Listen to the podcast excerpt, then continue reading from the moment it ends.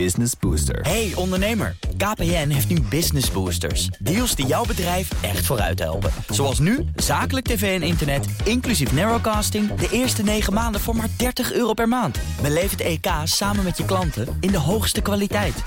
Kijk op kpn.com slash businessbooster. Business Booster. BNR Nieuwsradio. The Big Five.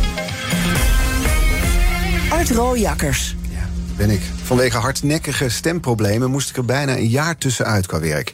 Een presentator zonder stem, ja, dat is best lastig. Ik deed dit jaar een stap terug en viel letterlijk en figuurlijk stil.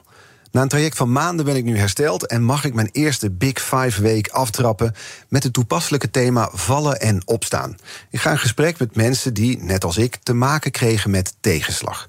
Ieder op zijn of haar eigen manier. Welke lessen hebben ze geleerd en hoe krabbel je na zo'n moeilijke periode weer op? Vandaag bespreek ik dat met Liane Den Haan, die met Bonje vertrok bij 50PLUS en nu lijsttrekker en Tweede Kamerlid is voor de nieuwe oudere partij Goud Nederland. Welkom. Dank je. Voordat we dieper induiken op wat politiek vlak de val teweeg heeft gebracht, wat er allemaal gebeurde, wil ik graag eerst twee dingen van je weten. Allereerst, je hebt in je relatief korte politieke loopbaan al best wel wat meegemaakt. Ja. Veel tegenwind ook gehad, dan druk ik me nog voorzichtig uit. Hoe vaak heb jij gedacht, ik pak mijn biezen en ik vertrek uit Den Haag? Heel vaak. Heel vaak, ja. Ja? ja. Ja, ik heb daar regelmatig over nagedacht. Ik dacht, moet ik dit wel doen? Maar tegelijkertijd heb je ook wel zoiets. Er zijn heel veel mensen die op jou gestemd hebben. 80.000 mensen volgens mij. Ja, 86.000. En, op, en ook gestemd hebben op dat wat ik toen als verkiezingsprogramma heb gepresenteerd. En dan voelt het toch ook wel heel erg als je verantwoordelijkheid om toch te blijven. Maar ik moet eerlijk zeggen, ik heb een fantastisch team. En eh, vanwege dat team, eh, ja, die hebben mij echt gestut en in de lucht gehouden. Ja, dus als jij weer eens zei, ik kap ermee, dan zeiden ze niet doen. Niet doen, niet doen. Gewoon blijven. We hebben het goed met elkaar. We gaan voor die inhoud. En ehm, ja, wij geloven in jou en we geloven in jouw programma en we geloven in ons team. Wat voor Dus- momenten waren dat, dat je dacht, en toch pak ik nu mijn biezen? Nou ja, ik heb er heel erg voor gekozen om zeg maar na eh, de breuk met 50PLUS... om niet de media in te gaan, om niet te vertellen... om eigenlijk zeg maar niet de beerput open te trekken. Dat past ook niet zo erg bij mij. Maar dan krijg je wel van alles naar je hoofd. En dat raakt je wel. Dan word je een ruziezoeker genoemd die weg is gelopen. En dat raakt je dan wel. En ook al weet je zelf dat het anders is... ehm, nou ja, ik heb ervoor gekozen nogmaals om niet zeg maar, met modder te gooien. En eh, ja, dan is dat best wel heel lastig. En dan denk je bij mezelf, dan denk je bij jezelf, waarom doe ik dit eigenlijk? Maar ja, tegelijkertijd, als je dan weer bijvoorbeeld iets heel moois binnenhaalt, ehm, waarmee je heel erg veel mensen blij maakt, dan denk je, ja, daar doe ik het dan voor. En dat houdt je ook wel overeind. We hebben deze week, dat is de tweede vraag die ik je wil voorleggen, over vallen en opstaan. Het is een persoonlijk onderwerp, een persoonlijk gesprek. Wat heeft jou doen besluiten als politicus, toch, om hier aan mee te werken? Omdat ik het een heel belangrijk thema vind. Omdat het steeds lastiger wordt als politicus om je kwetsbaar op te stellen.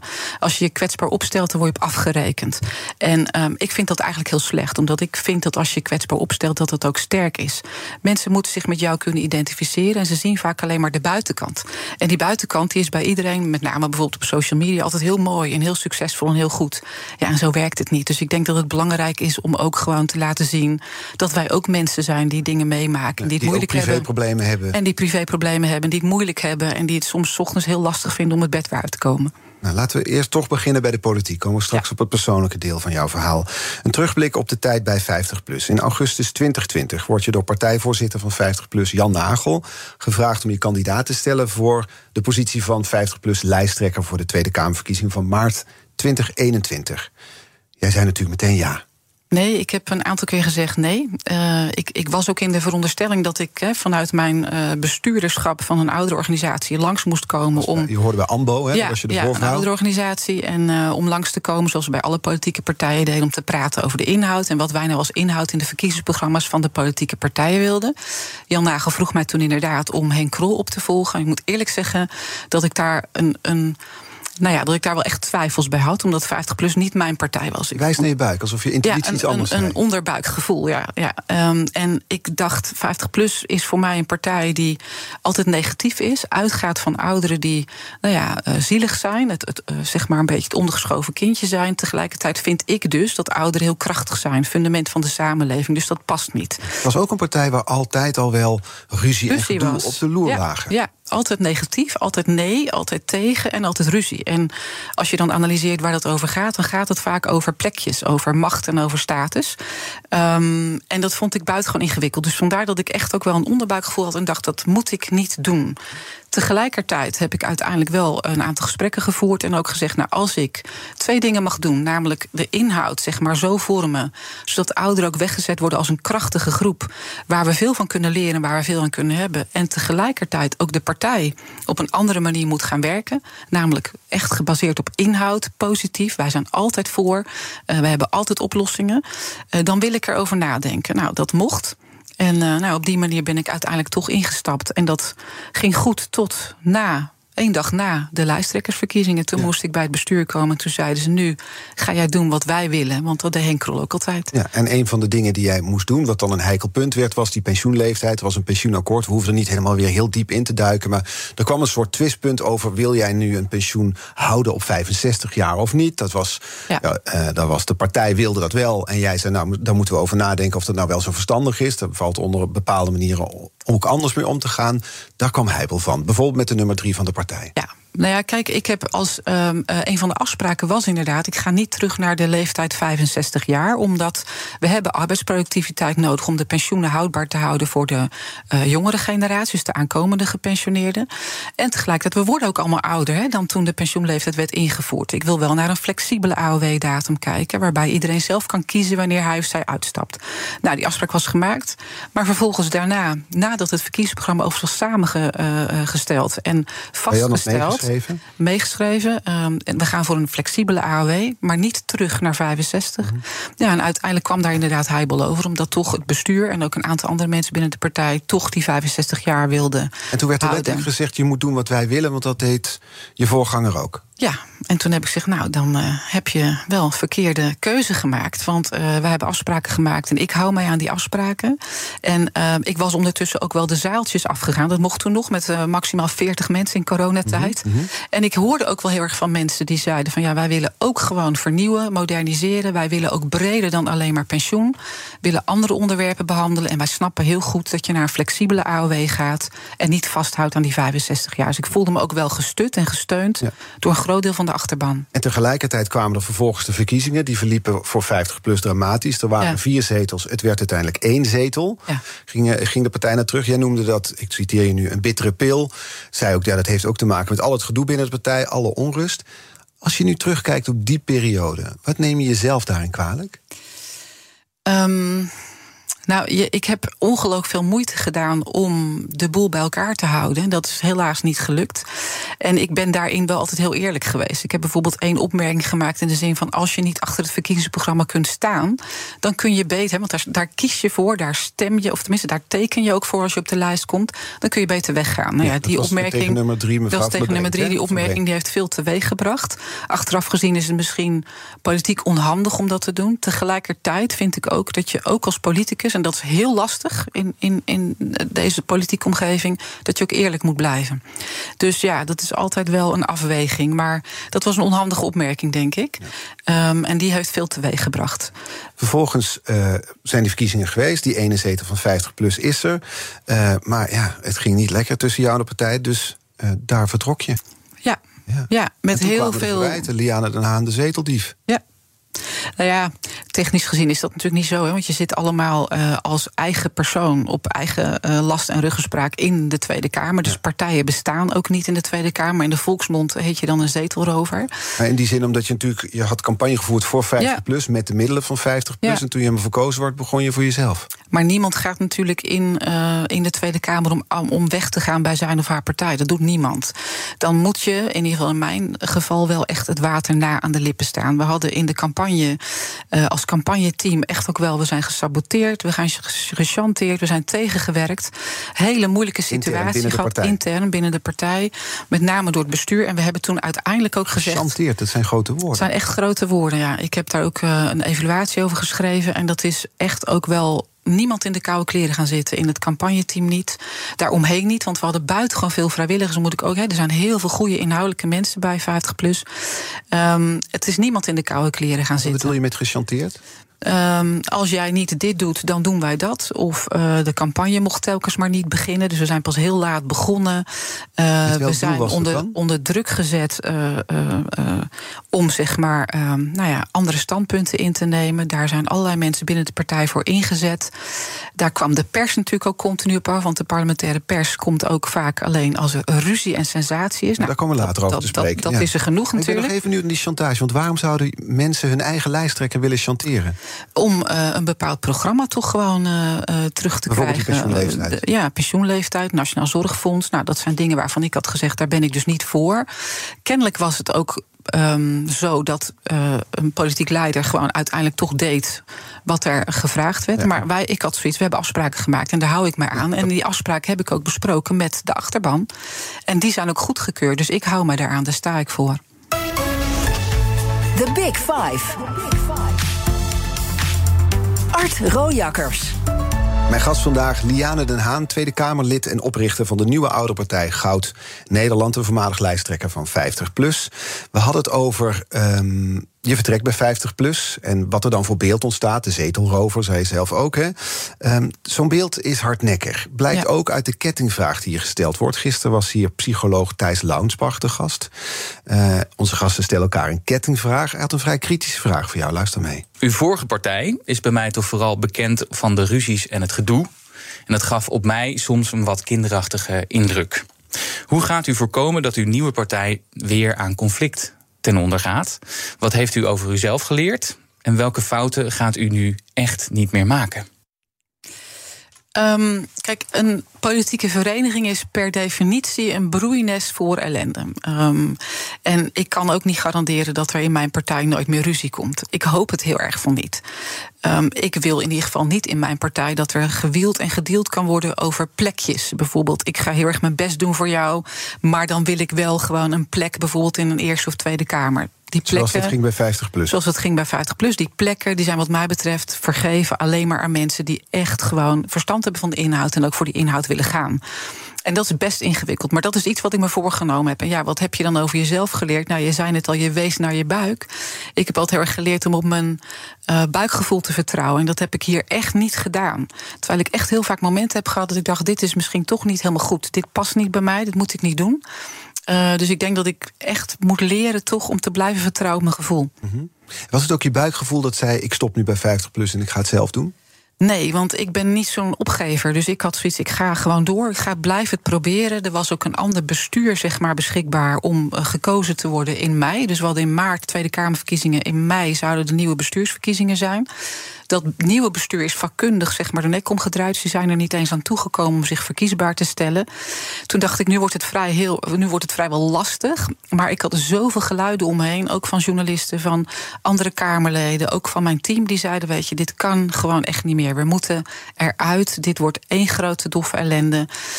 En ik dacht nog eigenlijk, ik kan het wel, ik ga het gewoon regelen, ik ga het gewoon doen. Mm uh, en tegelijkertijd dacht ik, wordt vrijwel onmogelijk. Zeker als je als één pitter in de Tweede Kamer zoveel portefeuilles in de lucht moet houden, dan kan je ook niet nog eens een keer een partij, zeg maar, nou ja, op een andere manier positioneren. En toen heb ik zoiets gehad van nee, als iedereen dit vindt, als iedereen hierachter staat, dan gaan we inderdaad eruit. En ik moet zeggen, met heel veel pijn in mijn hart, want dan moet je ook toegeven, het is me niet gelukt.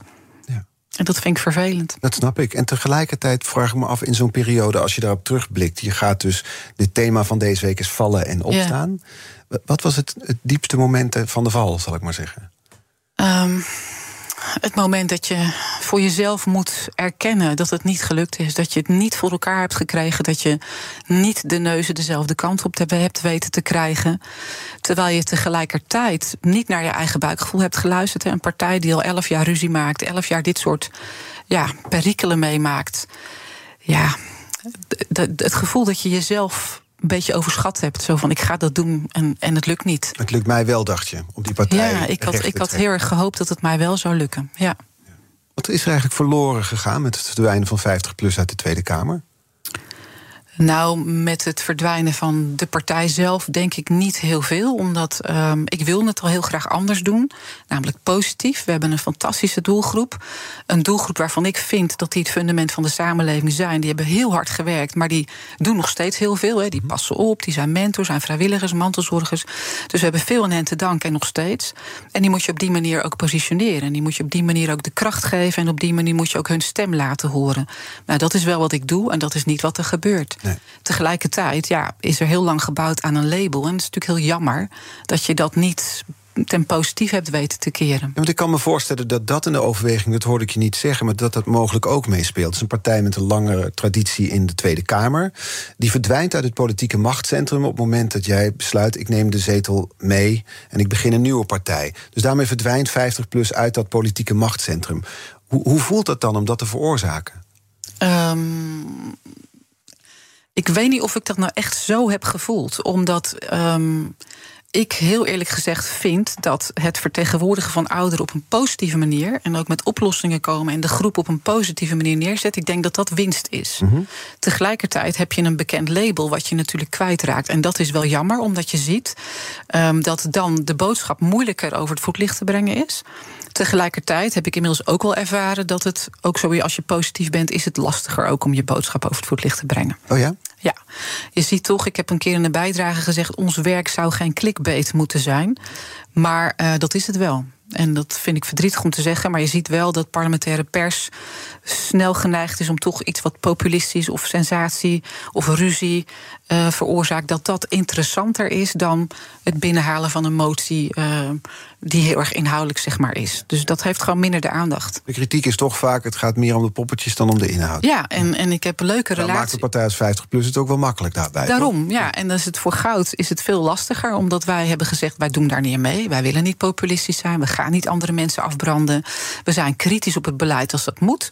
Maar we kunnen ook complimenten uitdelen daar waar het moet. En dan zie je gewoon dat de pers dat minder interessant vindt. En dat zeggen ze zelf ook wel. Wij staan ook onder druk. Wij moeten inderdaad snel scoren. Um, we hebben minder tijd echt ook voor inhoudelijk diepgaandere verhalen. Dus ja, je doet het inhoudelijk goed, zei een van de bekendere journalisten laatst tegen mij. Maar zeg nou eens even iets vervelends. Dan kunnen we er ook gewoon wat mee. Dan, dan kun je wat aandacht aan je besteden. ik heb gezegd, nou, drink jij lekker je koffie op.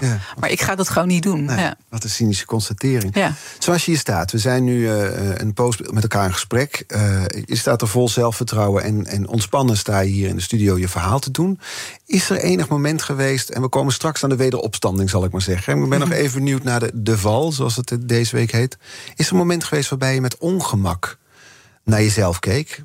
Wat ben ik nu aan het doen? Um, ja, met, met, met ongemak in de zin van. Um, hoe ga ik dit allemaal waarmaken? Uh, ik ben in mijn eentje. Ik moet heel veel ballen in de lucht houden. Ik ben ook nog bij een partij weggegaan. Dan word je weggezet als ruziezoeker. Um, terwijl mensen ook al weten, ja, die partij is al elf jaar aan het ruzie zoeken. Dus ja, um, mensen kijken vaak toch ook niet verder dan de koppen in het nieuws. En die koppen waren niet mals? Uh, die waren niet mals. Um, en tegelijkertijd denk je bij jezelf, hoe ga ik dit in hemelsnaam waarmaken? Want ik heb wel een, een boodschap te vertellen. En ik heb wel echt heel vaak gedacht, doe ik het wel goed? Ja, ik kende de politieke arena als lobbyist en als belangenbehartiger, maar natuurlijk niet zelf als Kamerlid. Dus tegelijk moet je daar ook nog je weg vinden. Ja, daar word je toch echt heel onzeker van. Doe ik het goed? Spreek ik de juiste mensen aan? Pak ik de juiste toon op de inhoud? En dat is best wel ingewikkeld. En dan ook nog tegelijkertijd denken, ook met mijn team, ja, maar we moeten ook wel zichtbaar zijn in de pers. Mensen moeten zien. Nou, dat laatste, toen we dat laatste loslieten, toen ging het een stuk beter. Die druk moest er vanaf. Ja. ja. ja. Maar ook, ik bedoel, het ongemak ook bijvoorbeeld in het feit dat er ooit vier zetels waren voor een oude partij. En nu nog één zetel voor een oude partij. Ja. Of je jezelf dat misschien hebt aangerekend. Nou, kijk, we stonden een paar weken voor uh, de Tweede Kamerverkiezingen op vier zetels. En toen is mijn nummer drie, de nummer drie, die is toen naar Nieuwsuur gegaan. Mm heeft, heeft daar echt vervelende dingen verteld. En Nieuwsuur heeft daar ook niet goed onderzoek naar gedaan. Dat hebben ze achteraf ook wel aangegeven. Maar ja, dan is het kwaad al geschied. Uh, was toch weer het beeld, ze gaan ruziend over straat. Ja, Want dat was het moment dat jij zei, misschien moet je dan je hel ergens anders zoeken bij. Ja, en toen gingen we van vier in één keer naar nul. Nou, toen hebben we er nog bijna twee gehaald. Dus nou ja, uh, helaas niet. Ja, dat, dat moment, dat blijft je natuurlijk altijd bij. Dat, uh, dat is uh, heel moeilijk. Ja, ja. Maar het is, niet, dat is niet in je systeem gaan zitten, heb ik het idee. Het is niet dat je denkt van ik, ik ben zelf mede verantwoordelijk voor het verdwijnen van zetels voor oudere partijen in de Tweede Kamer. Nee, je bent altijd zelf mede verantwoordelijk. En wat ik net ook al zei, dat je niet de neuzen dezelfde kant op hebt kunnen krijgen. Dat je niet in staat bent geweest, dat heb ik mezelf aangerekend, om mensen mee te krijgen. Dus uit dat, dat machtsdenken te krijgen en mee te krijgen van wij doen het voor de inhoud. We zitten daar niet voor onszelf. Want met alle respect, ik heb een flink salaris ingeleverd. Met een leaseauto en weet ik wat allemaal. Ik zit daar niet voor mezelf. Ik zit daar ook niet vanwege het geld, wat heel veel mensen dan wel denken. Ik zit daar ook niet omdat het een makkelijk baantje is, want wij werken werken gewoon 80 tot 100 uur in de week. Ik zit daar ook niet omdat ik het leuk vind om beveiligd te worden of om uitgescholden te worden of om doodsbedreigingen te krijgen. Ik zit daar omdat ik ouderen stem wil geven. En dat is iets wat je natuurlijk het liefst met meerdere zetels doet. En dat vind ik, dat vind ik, dat is iedereen aan te rekenen op dat moment binnen 50 plus. En zeker ook de politiek leider, dat dat niet gelukt is. En dat is, dat is echt pijnlijk. En dat doet zeer, ja. We spreken zo uh, verder met Liane den Haan, Tweede Kamerlid, oprichter van de nieuwe ouderpartij Goud Nederland. We hebben het dan ook over uh, wat er op persoonlijk vlak kan spelen als je zo in het nieuws bent, onder andere. Dus blijf luisteren. Hardlopen, dat is goed voor je. En Nationale Nederlanden helpt je daar graag bij. Bijvoorbeeld met onze digitale NN Running Coach, die antwoord geeft op al je hardloopvragen. Dus kom ook in beweging. Onze support heb je. Kijk op nn.nl/slash hardlopen.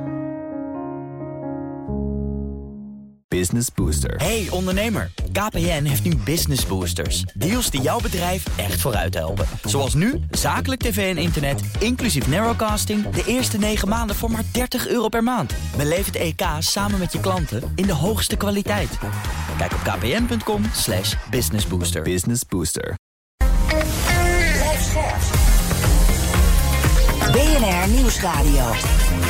The Big Five. Art. Welkom bij het tweede halfuur van The Big Five. Deze week vijf kopstukken met wie ik het heb over vallen en opstaan. Krachtige kopstukken dus. Later deze week praat ik nog met oud-voetballer Glenn Helder bijvoorbeeld... over zijn gokverslaving. Vandaag de gast Liane den Haan, Tweede Kamerlid... en oprichter van de nieuwe oudere partij Goud Nederland. In het komende half uur wil ik graag nog twee onderwerpen sowieso met je bespreken. Namelijk opstaan en vooral ook het doorgaan. Hè, het vallen en opstaan. En toch ook wat het eigenlijk op persoonlijk vlak allemaal betekent... als je in zo'n politieke storm terechtkomt. Want niet alleen dat, je bent alleenstaande moeder van drie jongvolwassen kinderen. Ja. Um, en, en rond dezelfde tijd dat al dit tumult... waar we het eerste half uur over gesproken hebben bij 50PLUS losbrak... waarbij er veel kritiek op jouw persoon zelf was... dus het gaat je niet in de koude kleren zitten... Uh, ging het bij jou thuis niet goed met een van je kinderen? Nee, dat klopt. Met mijn jongste dochter ging het niet goed. Wil je daar iets over delen? Mijn jongste dochter die, uh, die heeft complexe PTSS, dus posttraumatische stressstoornis. Dat komt doordat zij seksueel misbruikt is. En ze heeft in die periode, dus eigenlijk zeg maar um, de periode van de campagne tot en met de, uh, nou, een paar maanden na de verkiezingen 13 zelfmoordpogingen gedaan. 13? Ja, en ze heeft ook in een um, kliniek gezeten. Um, waar ik dan ook s'nachts sliep. Omdat ik me toch wel echt heel zorgen maakte met personeelstekort. Ja, als ik daar s'nachts niet ben, is er de volgende ochtend dan nog wel. Uh, dus dat was wel heftig, ja. En dan s ochtends dan nou, ging ik vanuit die kliniek campagne voeren. En uh, ja, dat was wel zwaar, ja. ja. Het lijkt me meer dan zwaar inderdaad. Het is een heftig onderwerp. Dus als, als ik vragen stel die, die je niet wil beantwoorden... dan laat ja, dat natuurlijk ja. weten. Um, het feit dat het zo uh, bergafwaarts ging met je dochter in die periode... had dat te maken ook met de, de storm die er rondom jou woedde? Was het toeval dat het samenkwam? Ja, dat was toeval dat het samenkwam, maar dat was wel buitengewoon ongelukkig natuurlijk. Omdat je aan de ene kant um, moet je er voor je partij zijn, moet je uh, allerlei bijeenkomsten doen. En moet, dan moet je vrolijk zijn en dan moet je krachtig zijn. En tegelijkertijd zit je uh, persoonlijk ook wel echt helemaal aan de grond. Dus emotioneel um, moet je proberen om dat te scheiden. Nou, dat is ingewikkeld. Nou, onmogelijk um, lijkt me als moeder. Ja. Of ik probeer me het als vader voor te stellen van twee dochters. Ja, dat is heel lastig. Want ja, ik heb ook wel gehad dat bijvoorbeeld een, een eerste corona-bijdrage moest ik doen. Terwijl ik één minuut van tevoren had gehoord dat mijn dochter op de uh, intensive care lag na een uh, zelfmoordpoging. En mijn zoon daar natuurlijk in paniek bij was. Ja, en dan moet je je bijdrage doen en dan daarna gauw naar het ziekenhuis. Dus ja, dat soort dingen, dat is niet heel makkelijk. Um, ik moet eerlijk zeggen dat ik.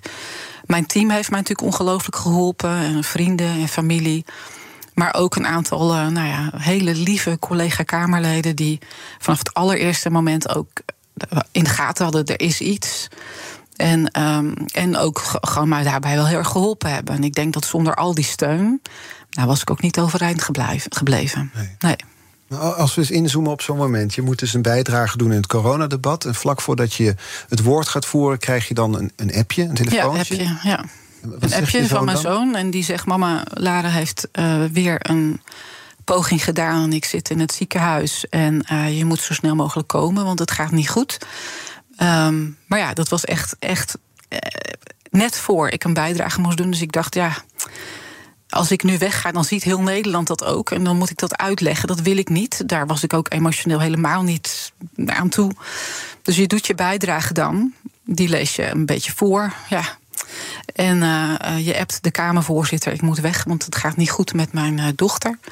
En dan ga je gauw weg. En dan kom je in het ziekenhuis. En dan mag je er nog eens een keer niet bij, want we hadden corona. Dus er mocht maar één iemand bij. En dat was al mijn zoon. En dan sta je daar voor de deuren, op de glazen deuren te bonken, omdat je naar binnen wil, maar dat mag niet. Ja, dat zijn uh, geen mooie momenten om op terug te kijken. Het lijkt me een eenzaam moment. Ja, ja want tegelijkertijd ben je ook um, ruzie aan het maken. In die zin, je wilt ruzie voorkomen en dan beland je uiteindelijk toch ook in een gevecht. Uh, om die partij gewoon zo goed mogelijk uh, door de verkiezingen heen te loodsen. Um, en daarna om zo goed mogelijk te proberen binnen de partij te blijven, de neus dezelfde kant op te krijgen. En dat is heel ingewikkeld als je uh, en thuis zeg maar veel verdriet hebt en het moeilijk hebt. En binnen de partij gewoon ja, mensen hebt die alleen maar uh, bezig zijn met hun eigen plek en hun eigen macht en hun eigen status. In plaats van met die inhoud. En dat had ik. Ik bedoel, ik ben heel erg iemand van de inhoud. Misschien wel te veel. Ik maak me eigenlijk nooit heel veel zorgen over wat dat nou doet met de buitenwereld. Maar ik wil gewoon iets bereiken voor mijn achterban.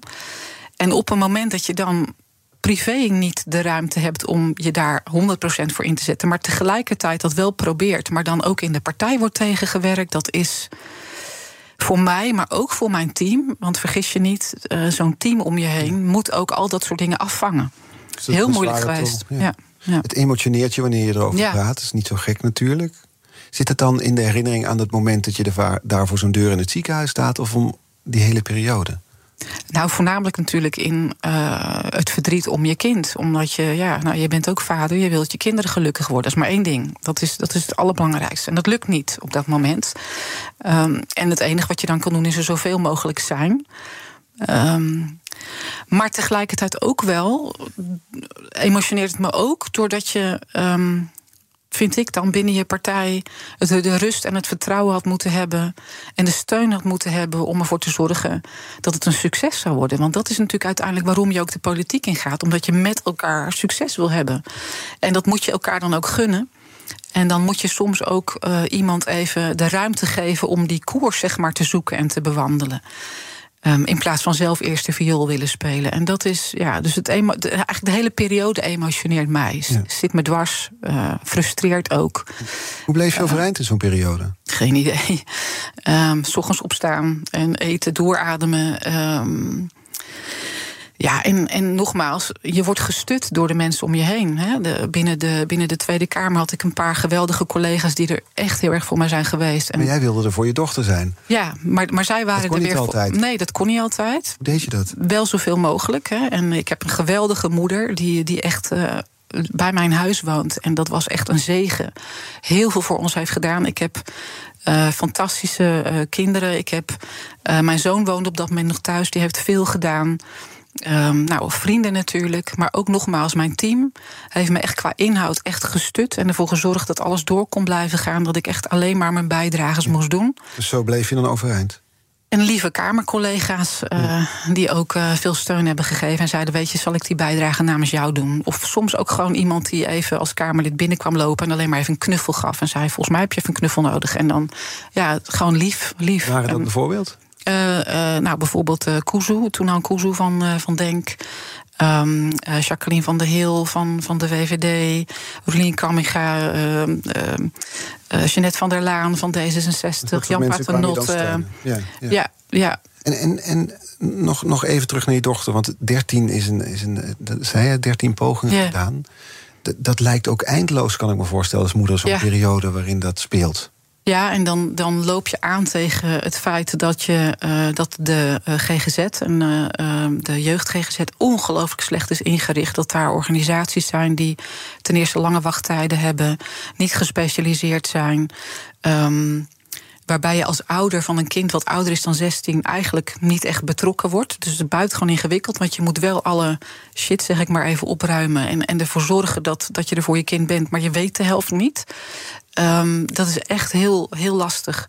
En je loopt tegen gigantische muren aan. Ik heb haar uiteindelijk ook uit die kliniek gehaald, naar huis gebracht. Want ze zat die hele periode zat ze in een kliniek? Een half jaar in de, tijdens de campagne. En daarna heb ik haar naar huis gehaald en gezegd: dit, dit, dit helpt niet. Ze moet naar gespecialiseerde hulp. Nou, er waren wachtlijsten voor voor twee jaar. We hebben thuis 24-7 hulp gehad. Uiteindelijk met behulp van een aantal hele lieve mensen, ook in het, uh, in het UMCU toch naar die gespecialiseerde kliniek. En daarna ging het echt stukken beter met haar. En nu, ja, nu gaat ze naar school en ze heeft een stage. En uh, ze is er nog niet, maar uh, ze kan wel weer gewoon functioneren. En ze is niet meer suicidaal, dus dat geeft al heel veel rust. En, en geeft dat ook, uh, wat is het moment dat je weer vertrouwen hebt? Als je de deur achter je dicht trekt om naar Den Haag toe te gaan? Nou, het blijft altijd lastig. Toevallig hadden we het er gisteren samen nog even over met mijn dochter. Want ik ben echt heel trots op haar. Ze is heel dapper en, uh, en ze zet door. Um, maar ik, ik, ja, we hadden het er gisteren nog wel even over. Het blijft toch altijd wel dat als ze belt, dat ik dan even schrik. Uh, of ja, dat je dan toch denkt, er is wat. Mm -hmm. En dan zegt ze ook, mama, dat, dat gaat echt nooit meer gebeuren. Het gaat echt veel beter. Daar hoef je niet meer zorgen over te maken. Maar ja, dat, dat zal nog wel een poosje duren voordat dat gevoel helemaal weg is. Ja. ja. En het gevoel dat je als ouder heb je. Tenminste, misschien is dat particulier van mij, maar je hebt vaak als ouder het gevoel: doe ik wel genoeg voor mijn kinderen? Mm. Ben ik er wel genoeg voor yeah. ze? Werk ik niet te hard? Geef ik ze genoeg aandacht? Jij zat in een stormachtige periode in de politiek, waarbij je in een campagne zat, later in de Kamer zat, in een partij waar veel tegenwind was. Dus dat kostte veel tijd. Dat ja. kostte veel energie. Die worsteling die ik beschrijf, herken je die? Jazeker. Ja, ik heb dat eigenlijk gedurende mijn hele leven gehad. Als ik als alleenstaande moeder altijd dacht: doe ik wel genoeg? Ben ik er wel genoeg? Gelukkig vinden mijn kinderen dat wel, want ik bespreek dat. Ik, ik, ik probeer me daar kwetsbaar in op te stellen. Dus ik vraag ze dat ook. Dus zij vinden dat wel.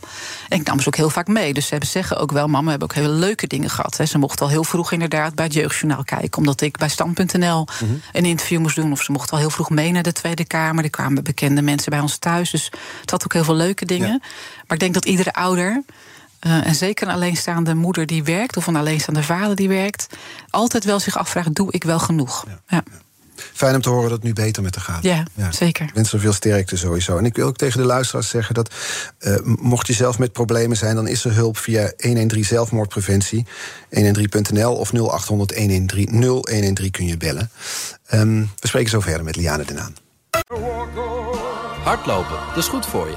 En Nationale Nederlanden helpt je daar graag bij. Bijvoorbeeld met onze digitale NN Running Coach... die antwoord geeft op al je hardloopvragen. Dus, kom ook in beweging. Onze support heb je. Kijk op nn.nl slash hardlopen. Business Booster. Hey ondernemer, KPN heeft nu Business Boosters. Deals die jouw bedrijf echt vooruit helpen. Zoals nu, zakelijk tv en internet, inclusief narrowcasting... de eerste 9 maanden voor maar 30 euro per maand. Beleef het EK samen met je klanten in de hoogste kwaliteit. Kijk op kpn.com slash businessbooster. Business Booster. BNR Nieuwsradio. The Big Five. Art Rojakkers. Met vandaag de gast Liane Den Haan, Tweede Kamerlid en oprichter van de nieuwe oudere partij Goud Nederland. Um, we hadden het al over de media. Ik kwam even voorbij, uh, want dat vertrek van jou bij 50PLUS... als we daarnaar kijken, maakte veel los in Den Haag. Dan laten we het eens over beeldvorming hebben. Hiervoor werkte je bij uh, de ANBO, de Ouderenbond. Um, ik zat wat research te doen voor het gesprek van vandaag. Er kwamen koppen tegen als Liane Den Haan, de Poetin van ANBO. Later werd je weggezet bij 50PLUS als een ruziezoeker. Zijn dat beelden die eigenlijk ooit nog van je verdwijnen? Ik weet het niet. Ik hoop het. Um, kijk, ik, ik ben altijd um, in organisaties gekomen waar het niet zo goed ging. Mhm. En dan moet je een heleboel hervormen en soms reorganiseren. En dat dan moet je ook altijd impopulaire maatregelen nemen. Puinruimen. Moet je puinruimen. En ik heb dat altijd wel geprobeerd om dat met zorg te doen voor mijn mensen. Om daar op een goede manier mee om te gaan. Gelukkig vonden de meeste mensen dat ook. Maar ja, een aantal vindt dat natuurlijk niet. Um, ja, en ik, het grappige is wel een beetje... ik heb dat ooit een keer geëvalueerd met de directeur... toen de tijd van um, het Rode Kruis... die dezelfde reorganisatie had gedaan... als dat wij bij AMBO hadden gedaan bij het Rode Kruis. En hij was in de media een daadkrachtig leider... en ik was een, uh, een, mevrouw Poetin. Ja, en, dan, dan, en toen zei ik tegen hem: Goh, hoe kan dat nou? Toen zei hij: Ja, je bent een vrouw. Uh, en dat Zou helpt niet. Zijn? Ja. En, nou ja, ik zie dat nu in de, in, de, in de politiek ook: dat de vrouwen het toch wel wat ingewikkelder hebben. En vaak op hun vrouw zijn worden aangesproken of uitgescholden, dan ben je een heks. Uh, Johan Derksen zei het ook nog bij uh, Vandaag Insight. Van, ze zegt verstandige dingen, maar ze heeft de uitstraling van een heks. Of je bent een bitch of een ruziezoekster. Of, ja, en als man ben je inderdaad krachtig leider. Of dan zet je door, of dan hou je je rug recht. Het is echt ingewikkeld. En ik heb daar met mijn vrouwelijke collega's natuurlijk wel vaker over. Dat wij. In het begin wil je daar niet aan. Dan denk je, dit kan toch niet? We leven in Nederland. Maar het is wel echt zo, helaas. Ja. En daar kun je persoonlijk niks aan veranderen. Nee, nee. Ik, uh, het enige wat ik kan doen is uh, elke ochtend proberen. Dat zei Martin van Rijn ooit tegen mij, die toen staatssecretaris was en het ook lastig had. En ik het toen in die periode ook een lastige periode had bij AMBO in de reorganisatie. En hij zei tegen mij: Het enige wat je kan doen is elke ochtend gewoon in de spiegel kijken. En als je tegen jezelf kunt zeggen: Oké, ik doe wat ik moet doen en ik doe dat goed. En ik doe dat omdat ik erin geloof. En ik weet van mezelf dat ik goed ben voor mijn mensen. Oké, okay, laat het van je afglijden. En uh, nou ja, wij hebben altijd over teflon op je schouders. Ja. Laat het van je afglijden. Maar het is niet altijd even makkelijk. Nee, en misschien ook wel makkelijker voor Martin van Rijn dan voor jou. Want jij moet tegelijkertijd kijken: vertrek je niet op een bezemstil naar mijn werk? Ja. Grappend gesteld, hè, omdat je een heks genoemd wordt. En het feit dat je een heks wordt genoemd, of dat je uh, een Poetin wordt genoemd, dat soort stempels, dat soort labels, zorgen weer voor reacties op social media, ja, kan ik me klopt. voorstellen. Ja. ja. dat zie je ook inderdaad. En Daar zit niet kinderen... altijd het meest weldenkende deel van de natie. Nee, inderdaad. Nee, ik zeg altijd maar zeker Twitter, dat is echt gewoon een open riool. Sorry. Dus um, wat voor reacties krijg je dan? Nou, dat soort reacties inderdaad. En dat gaat vaak over je uiterlijk. Uh, dat gaat vaak over inderdaad dat je een bitch bent, of dat je een kreng of een heks of wat dan ook. Ja, mijn kinderen vinden dat buitengewoon ingewikkeld. Die zeggen dan altijd: Mama, snap er niks van. Je bent zo lief en zo zorgzaam. Hoe kan dat nou? Dat vinden mijn medewerkers bijvoorbeeld ook. Dat vonden mijn vrijwilligers ook. Ja, het, het gek is ook een beetje dat die nooit de aandacht krijgen. Ik weet wel dat toen der tijd vrijwilligers ook open brieven hadden geschreven aan de pers. Dat het echt anders in elkaar zat. Maar mm-hmm. die werd nooit gepubliceerd. Dus ik denk ook dat het. Um, ja, ook, ook dat verkoopt, denk ik weer, dat soort krantenkoppen. Ja. Je bent er cynisch over geworden, over ja. de media, merk ik. Ja. Dus ik ben sowieso blij dan dat je, dat je hier vandaag wel bent. Maar ook bijvoorbeeld over talkshows. Ik begreep dat je niet meer wil aanschuiven bij talkshows. Nou, ik heb in de campagne, uh, wat bij talkshows altijd gebeurt... en voor de mensen thuis die dat niet weten... wordt altijd goed voorgesproken van wat, wat komt er, welke gasten zitten er aan tafel... en nou ja, welke vragen worden gesteld. En ik heb dat één keer inderdaad bij Op1 gehad... dat uh, het compleet anders was, en ook bij Jinek... en dat je dan aan tafel ook door de, uh, de, de talkshow-hosts...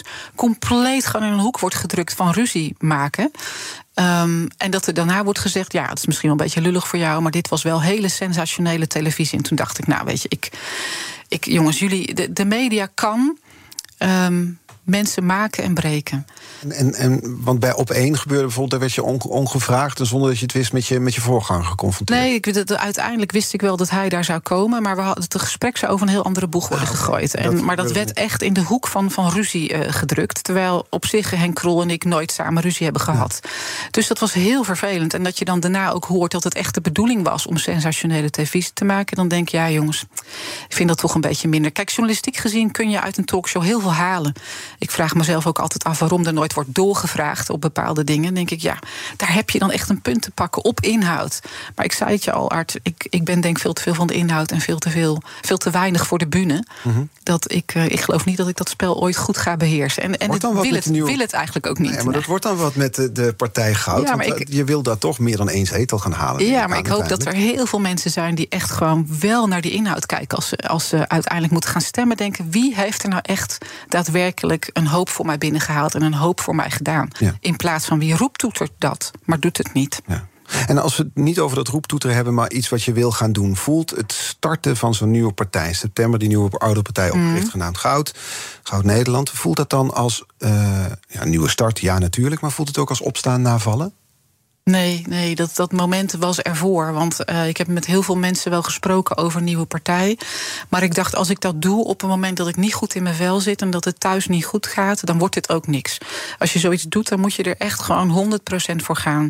Dat moment was wel echt daarvoor.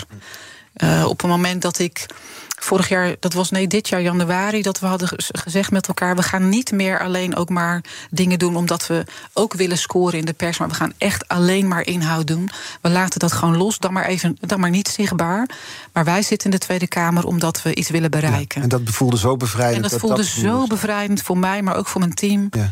Ehm, wij werden daar zo blij en gelukkig van. En je zag ook op een gegeven moment dat ergens uit een onderzoekje kwam dat we de meest effectieve oppositiepartij waren. Nou, Ja. In mijn eentje met mijn team waren we heel trots op. Ja, Ik denk, nou, dan, dan, daar zit ik voor in de Tweede Kamer. Daar word ik gelukkig van.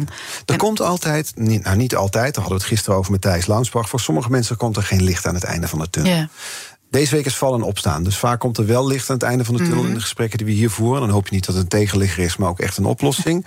Welke eigenschappen hebben er bij jou nu al voor gezorgd dat je hier zo kunt staan? Vol met nieuwe plannen, ideeën voor de toekomst, na, na alles wat je thuis en ook politiek gezien hebt meegemaakt. Welke eigenschappen? Nou ja, ik, ben een, ik geef niet zo snel op. Ik ben wel een doorzetter en ik probeer altijd de verbinding te zien. En ik denk dat ik wel heel erg een optimist ben. Dus voor mij is het glas altijd helemaal vol. Het zij dan de helft met, eh, met, met, met een drankje en de andere helft met lucht. Maar het is altijd vol. En je moet altijd proberen om. Ik mijn vader heel jong verloren. Ik was 18. Hij had een hartstilstand. En hij heeft altijd geleerd eh, aan ons. Je moet elke dag iets benoemen waar je gelukkig van wordt. Wat mooi is. En dat, toen ehm, dat gebeurde met 50PLUS en ook met mijn dochter... toen dacht ik, oh ja, dat moet ik echt bewust gaan doen. En hoe doe je dat? Nou, dan merk je eigenlijk ook dat in de, de meest moeilijke situaties... er toch altijd ergens wel iets gebeurt op een dag... waarvan je denkt, oh ja, dat is toch fijn dat ik dat nog heb... of dat ik dat nog kan. Ehm, Schrijf je dat op of is dat wanneer je s'avonds naar bed gaat of je het anders staat te poetsen dat je dat bedenkt? Of ja, ik dat? doe dat elke avond voordat ik ga slapen. Denk, oh ja, wat, wat was er nou vandaag waarvan ik echt even gelukkig werd, waarvan ik blij werd. En dat probeer je dan vast te houden. Dat valt niet altijd mee. Maar ook in die moeilijke periodes, zelfs met mijn dochter, is dat er altijd wel geweest. Er was altijd iets waarvan ik dacht, oh wat mooi eigenlijk. Of wat fijn, of wat goed. Of wat rijk dat ik dit nog mag doen of mag hebben. Wat was het gisteren bijvoorbeeld? Gisteren, nou, gisteren toen eh, eh, lag ik dus plat eh, omdat ik door mijn rug was gegaan. Ik had ongelooflijke hoeveelheid pijn. En toen kreeg ik dus meteen een hele grote bos bloemen van mijn team. Nou, dat is, daar, daar word ik heel gelukkig van. En kwam er iemand eh, uit mijn omgeving gewoon even langs en zei: "Weet je, Ik ga even lekker voor jou zorgen. Ik ga thee maken en een broodje en ge- gezellig. Ja, ik heb niemand iets gevraagd. En dat, daar word ik dan gelukkig van. En En ook van normaal. de pijnstillers, denk ik toch? Word je ook wel gelukkig. Ja, ja, want die bracht ook pijnstillers mee. Zo Oké, ben ik ook ja. wel heel gelukkig van je op dat moment, zeker. Ja. We gaan naar de kettingvraag toe. Je mag een, een vraag stellen aan mijn gast die hier morgen is. Ondernemer en investeerder Bas Witvoet. Wat zou je van hem willen weten? Ja, ik heb natuurlijk over hem gelezen en ik las dat hij op een moment dat hij echt op, op het dieptepunt zag, eh, zat, dacht van ik moet vechten of vluchten. En hij heeft gekozen voor vechten. En ik zag dat hij het ook een beetje in stilte had gedaan. En ik vroeg mij af in hoeverre heb je nou, waar heb je nou kracht uitgehaald? En eh, in hoeverre heeft het ook iets gedaan met het vertrouwen in mensen om je heen? Nou, we gaan het er morgen voorleggen. Dus Bas Witvoet te gast in deze BNR's Big Five van Vallen en Opstaan. Liane den Haan, dank voor de komst en het gesprek vandaag. Tweede Kamerlid en oprichter van de nieuwe oude partij Goud Nederland. Alle afleveringen van BNR's Big Five die zijn terug te luisteren, zeg ik nog tegen de luisteraar. Je kunt je abonneren op onze podcast via onze eigen BNR-app of via het favoriete podcastkanaal natuurlijk. En zo hoef je geen aflevering te missen. Ook niet van deze week, maar ook van weken hiervoor bijvoorbeeld. Tot morgen. Hardlopen, dat is goed voor je. En Nationale Nederlanden helpt je daar graag bij. Bijvoorbeeld met onze digitale NN Running Coach... die antwoord geeft op al je hardloopvragen. Dus, kom ook in beweging. Onze support heb je. Kijk op nn.nl slash hardlopen.